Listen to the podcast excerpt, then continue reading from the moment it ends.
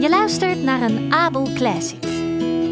Klik op de volgbutton in je podcast-app en mis geen enkele aflevering. Aesopus, de fabel van de stadsmuis en de veldmuis. Er was eens een brave, verstandige veldmuis die zijn goede vriend uitnodigde voor een bezoekje, die in de naburige stad woonde. Deze nam de uitnodiging om over een paar weken te komen aan.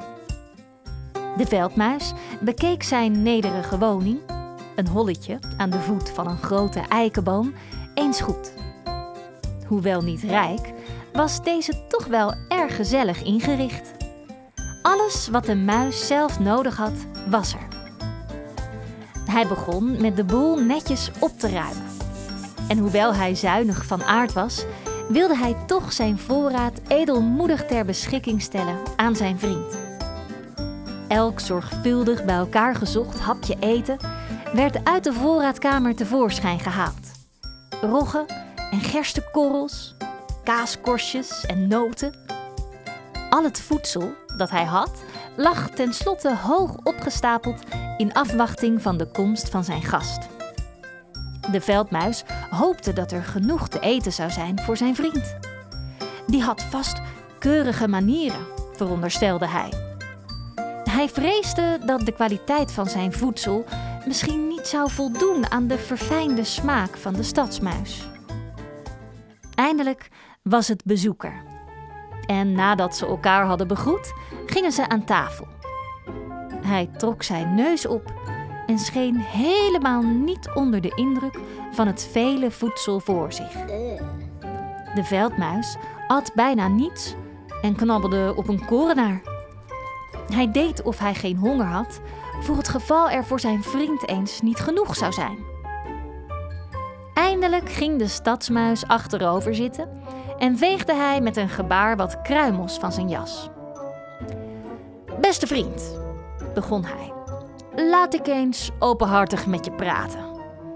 Hoe kun jij dit eenvoudige en saaie leven toch verdragen? Hij pauzeerde even en de veldmuis begon langzamerhand de moed te verliezen. Hoe kun je het verdragen zo te wonen? ging hij verder, terwijl hij in het kleine donkere hol waar ze zaten rondkeek. Je kunt deze vochtige bossen toch echt niet liever hebben dan de drukke straten vol wagens en mensen. Is het praten van mensen niet aangenamer om te horen dan het getjilp van vogels? Is de warmte en pracht van een rijk huis niet te verkiezen boven die wilde, winderige woestenij? De veldmuis was neergeslagen. Hij keek eens om zich heen en voor het eerst zag hij zijn eenvoudige woning zoals anderen die zagen. De stadsmuis stak zijn borst vooruit. Je moet niet langer treuzelen, zei hij. Je moet direct met mij vertrekken. Bedenk wel dat aan alles een einde komt. Je kunt je leven onmogelijk altijd hier slijten.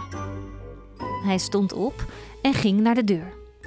Kom op, ik zal je het leven in de grote stad laten zien. Zulke mooie, overtuigende woorden overdonderden de eenvoudige veldmuis. Hij stemde vlug toe met zijn vriend mee te gaan.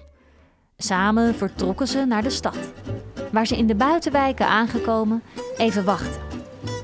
Toen de duisternis was ingevallen, slopen ze de stad in.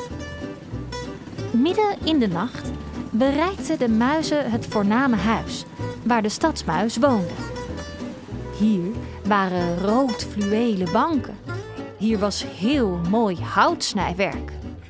Alles duidde inderdaad op rijkdom. Op tafel lagen de restjes van een heerlijk diner. Nu was het de beurt aan de stadsmuis om voor gastheer te spelen. Hij rende heen en weer om aan de wensen van zijn vriend te voldoen. Hij stapelde schaal op schaal, hapje op hapje, alsof hij de koning verwachtte. De veldmuis van zijn kant deed alsof hij thuis was. Hij prees het geluk dat deze verandering in zijn manier van leven had gebracht. Toen, midden in zijn vreugderoes, waarbij hij er zich over verbaasde hoe hij tevreden had kunnen zijn met het armzalige voedsel thuis, ging de deur plotseling open. Een gezelschap dames en heren kwam de kamer binnen. De twee vrienden sprongen in doodsangst van de tafel en verstopten zich in het eerste het beste hoekje. Toen het weer helemaal rustig was in de kamer, waagden ze het om tevoorschijn te komen. Maar het geblaf van honden dreef ze nog angstiger dan eerst terug.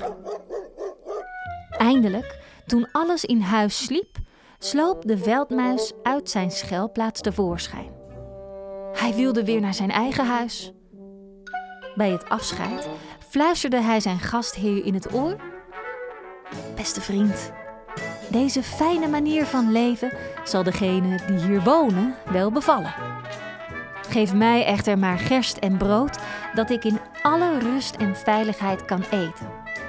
Ik geef daar de voorkeur aan, boven het fijnste feestmaal, waar angst en zorg op de loer liggen. Einde. Je luisterde naar een Abel Classic. Klik op de volgbutton in je podcast-app en mis geen enkele aflevering.